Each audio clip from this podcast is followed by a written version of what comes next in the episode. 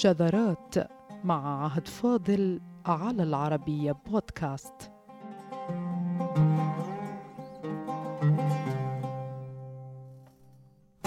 على الرغم من الصعوبة البالغة التي تقبل بها لغويون ومعجميون عرب ومسلمون قصة بناء كلمة عربية من حرف واحد يتكرر ثلاث مرات إلا أن هناك مصنفين وإخباريين زعموا أن هناك إمكانية لتكرار حرف واحد خمس مرات في كلمة عربية وهو زعم سنثبت لكم بطلانه أعزائنا كما بينا لكم وفي الحلقة السابقة بأن بناء الكلمة العربية من ثلاثة أحرف متكررة قبل على مضض إن في كلمتين عند معجمي أو ما يصل إلى خمس أو سبع كلمات عند آخر.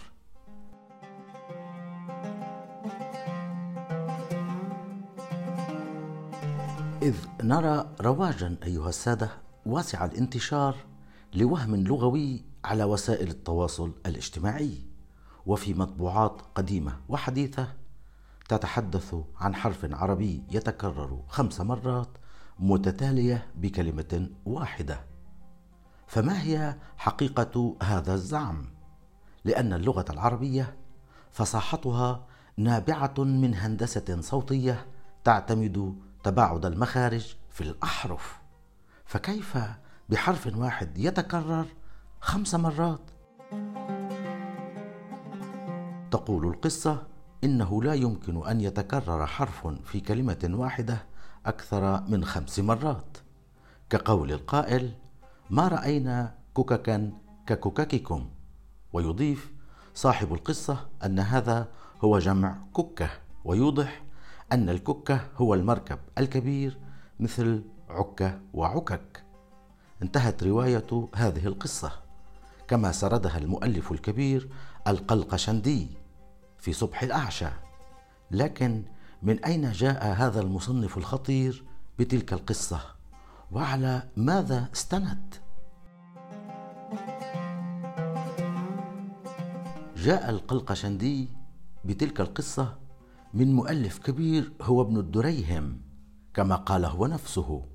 وعندما وقف محققو الكتاب عند تلك اللفظة كككككم عبروا بأدب مفرط عن أن تلك الكلمة لم يعرفوا لها أصلا في العربية.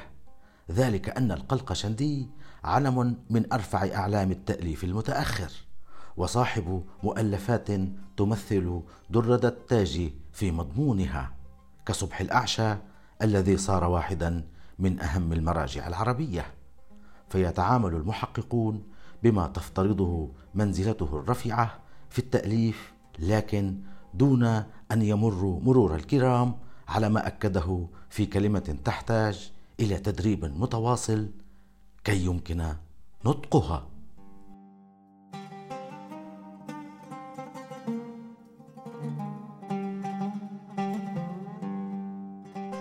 فهل العربية ثقيلة على أهلها إلى الحد الذي يجعل من مجرد نطق كلمة عملا عضليا صعبا يحتاج إلى تمرين؟ وقد يفشل فيه البعض في نهاية الأمر. الإجابة كلا وقطعا. فما يكون نطقه متعذرا إلى هذا الحد فهو ليس من اللسان. كما سنؤكد لكم أعزائنا في تاريخ قصة الحروف المتتالية خمس مرات كما زعموا.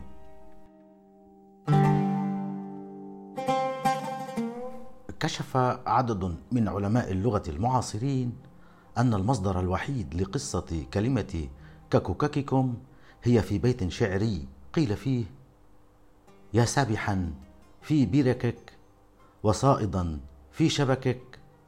لا تحقرا كككي فكككي ككككك وفي البحث عن معنى الكوكك هنا إجماع على أنها جمع لاسم زورق بحري أو نهري. وكما عبر المحققون في التراث العربي لا وجود لتلك الكلمة في اللسان العربي وهي لا وجود لها على الإطلاق في كتب اللغة. كتب اللغة أيها السادة التي بالكاد قبلت وجود كلمتين اثنتين مبنيتين على حرف واحد يتكرر ثلاث مرات فكيف بخمس مرات؟ بل كيف سينطقها اللسان العربي ويناقض نفسه وهو الإيقاعي المنسجم ما بين مخارج علاقات حروف كلماته؟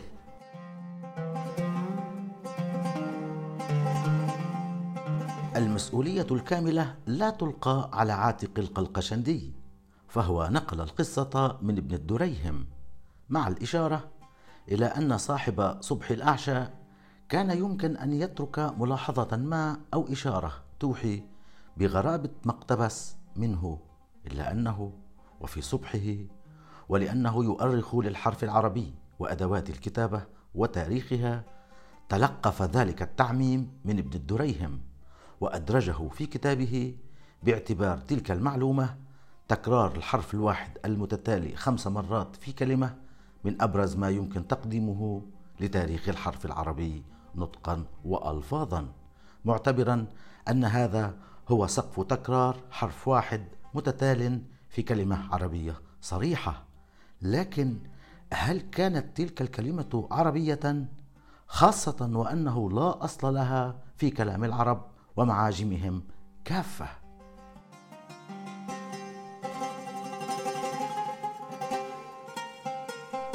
الكلمة غير عربية إنما هناك شيء إضافي في قصة القلقشندي التي رواها من ابن الدريهم وهو حقيقة تاريخ هذه الكلمة كككككم فهل الكلمة أصلا هي في هذا التكرار الثقيل على اللسان العربي؟ أم إن هناك حقيقة مختلفة لتلك الكلمة؟ فبتتبع أصل الرواية فإن ما قاله ابن الدريهم ورواه القلقشندي فيه إما تصحيف وإما وهم وإما تحريف لأن أصل ترتيب الكلمة بحروفها مختلف عن الناقل والمنقول منه. فمن هو قائل هذا البيت الشعري؟ وكيف وردت فيه تلك الكلمة؟ غير العربية.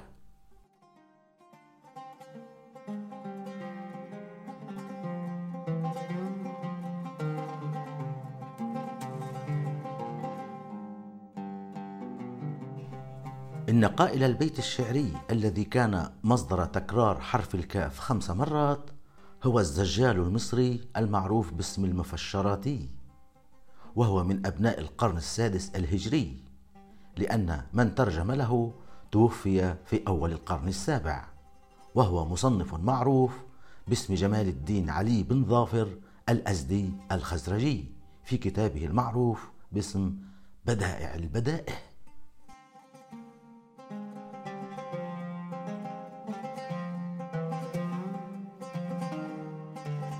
ولد الأزدي والمشهور بابن ظافر أيضا ومات في مصر. وهو من جملة الكتاب والمؤرخين الوزراء في زمان الملك الأشرف الأيوبي.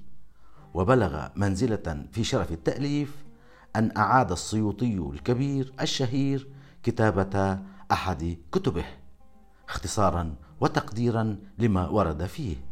إذا نحن أمام قامة كبيرة في زمانها إن في بيوت الحكم أو منزلة التأليف خاصة وأنه من مدرسي الفقه المالكي أيضا وله مؤلفات كثيرة ذكرت في بطون الكتب.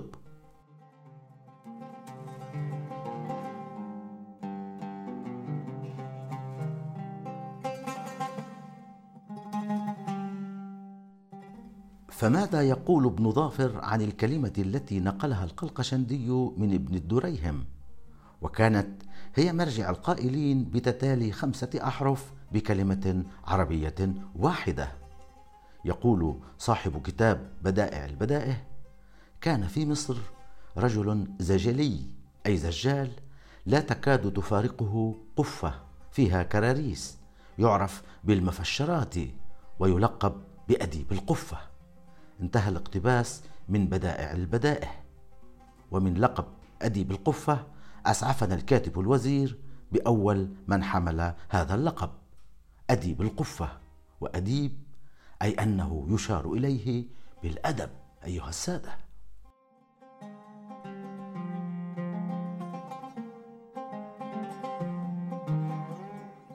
وللتأكيد على أن صاحب بدائع البدائه هو أول ناقل للبيت الشعري المذكور يقول المؤلف عن الزجال المصري ومما أنشدنيه لنفسه وأنا أذكره على سبيل الإطراف فقد كان عجيب الشأن.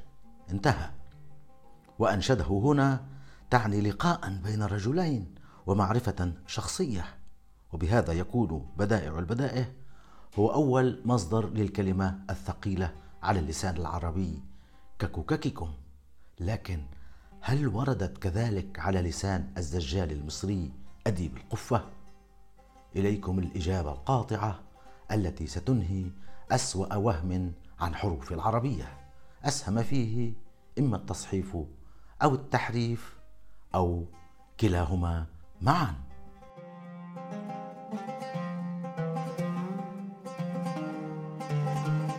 تقول قصة بدائع البدائه إن الزجال المصري أنشد لمصنف الكتاب هذين البيتين. يا سابحا في بركك وصائدا في شبكك لا تحقرا ككتي فككتي كككتك.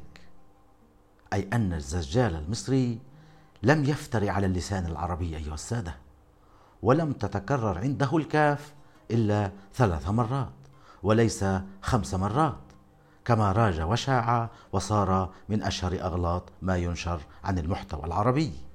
ويشرح مؤلف بدائع البدائه كلمة ألككة بأنها مركب من مراكب صعيد مصر ليس فيها مسمار كما أكد على غير ما يشرحه البعض بأنه مركب كبير كما فعل القلقشندي بأن الككة هي من أنواع المراكب الكبيرة. لكن هل انتهت رحلتنا هنا؟ بالكشف عن أن الكاف تكررت ثلاث مرات لا خمس مرات كلا أيها السادة. فمن أين هذه الكلمة؟ ومن هو أشهر مستعمليها من بين المصنفين العرب والمسلمين؟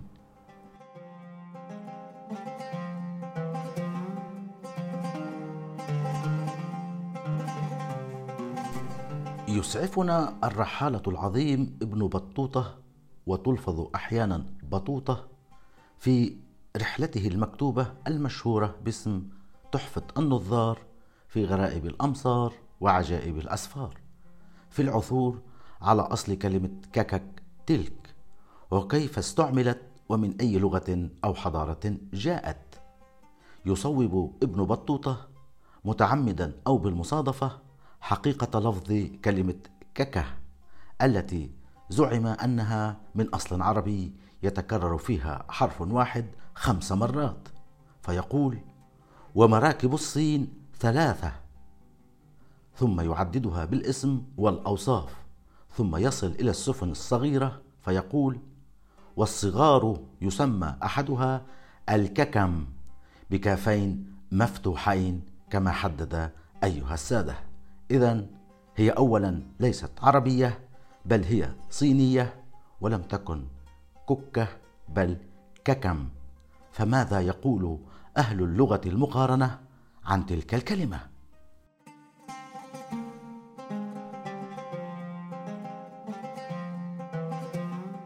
يقول الدكتور عبد الهادي التازي محقق رحلة ابن بطوطة وهو العضو في أكاديمية المملكة المغربية التي أصدرت تلك النسخة من الرحلة إن كلمة الككم من أصل صيني هو هو هانك ويقتبس من أحد المراجع الأكاديمية الغربية تفسيرا آخر للكلمة وهو أن كلمة ككم تحريف لكلمة إيطالية قديمة هي كوكا أي أن الكلمة ليست واردة في جميع أمهات العربية وحسب بل لها أصل وفصل ما بين الصيني أو احتمال أن تكون تحريفا لكلمة إيطالية.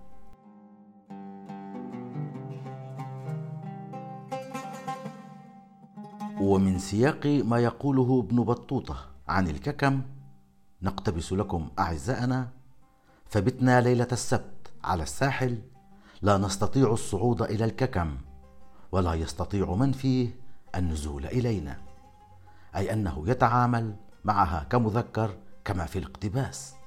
ويكرر ابن بطوطة استعمال كلمة الككم بفتح أول حرفين إلى الدرجة التي يستسيغها اللسان العربي لما باتت تمتلكه من حلاوة في النطق الككم.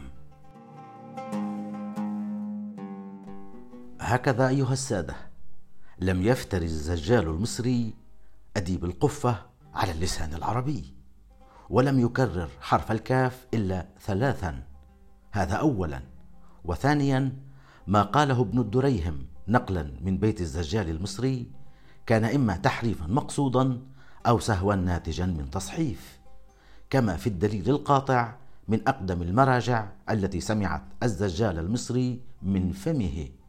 ثالثا الكلمة ليست عربية في أي شكل من الأشكال واستعمالها دليلا على تكرار حرف واحد خمس مرات في كلمة عربية يرتد إلى أصحابه كونهم جاءوا بدليل ليس من لسان العرب أصلا.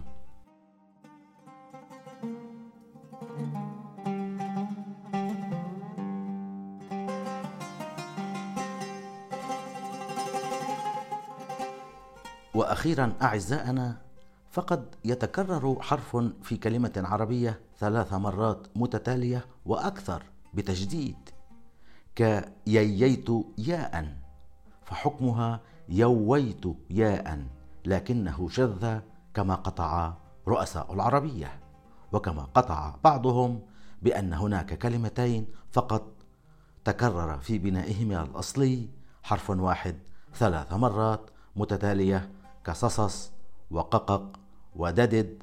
بينا لكم في الحلقة السابقة أنهما كانتا هما وغيرهما من كلمات وصلت إلى سبع مجرد أصوات لا كلمات. ولهذا قال عنهما لسان العرب وبه نختم ونقطع وننهي المسألة. يقول لسان العرب فإنما ببه حكاية الصوت الذي كانت ترقصه عليه وليس باسم وإنما هو لقب كقب لصوت وقع السيف وطيخ للضحك وددد لصوت الشيء يتدحرج. فإنما هذه أصوات يكرر لسان العرب. فإنما هذه أصوات ليست توزن ولا تمثل بالفعل بمنزلة صه ومه ونحوهما. انتهى. وفيما رواه لسان العرب كفاية وغاية. والسلام عليكم.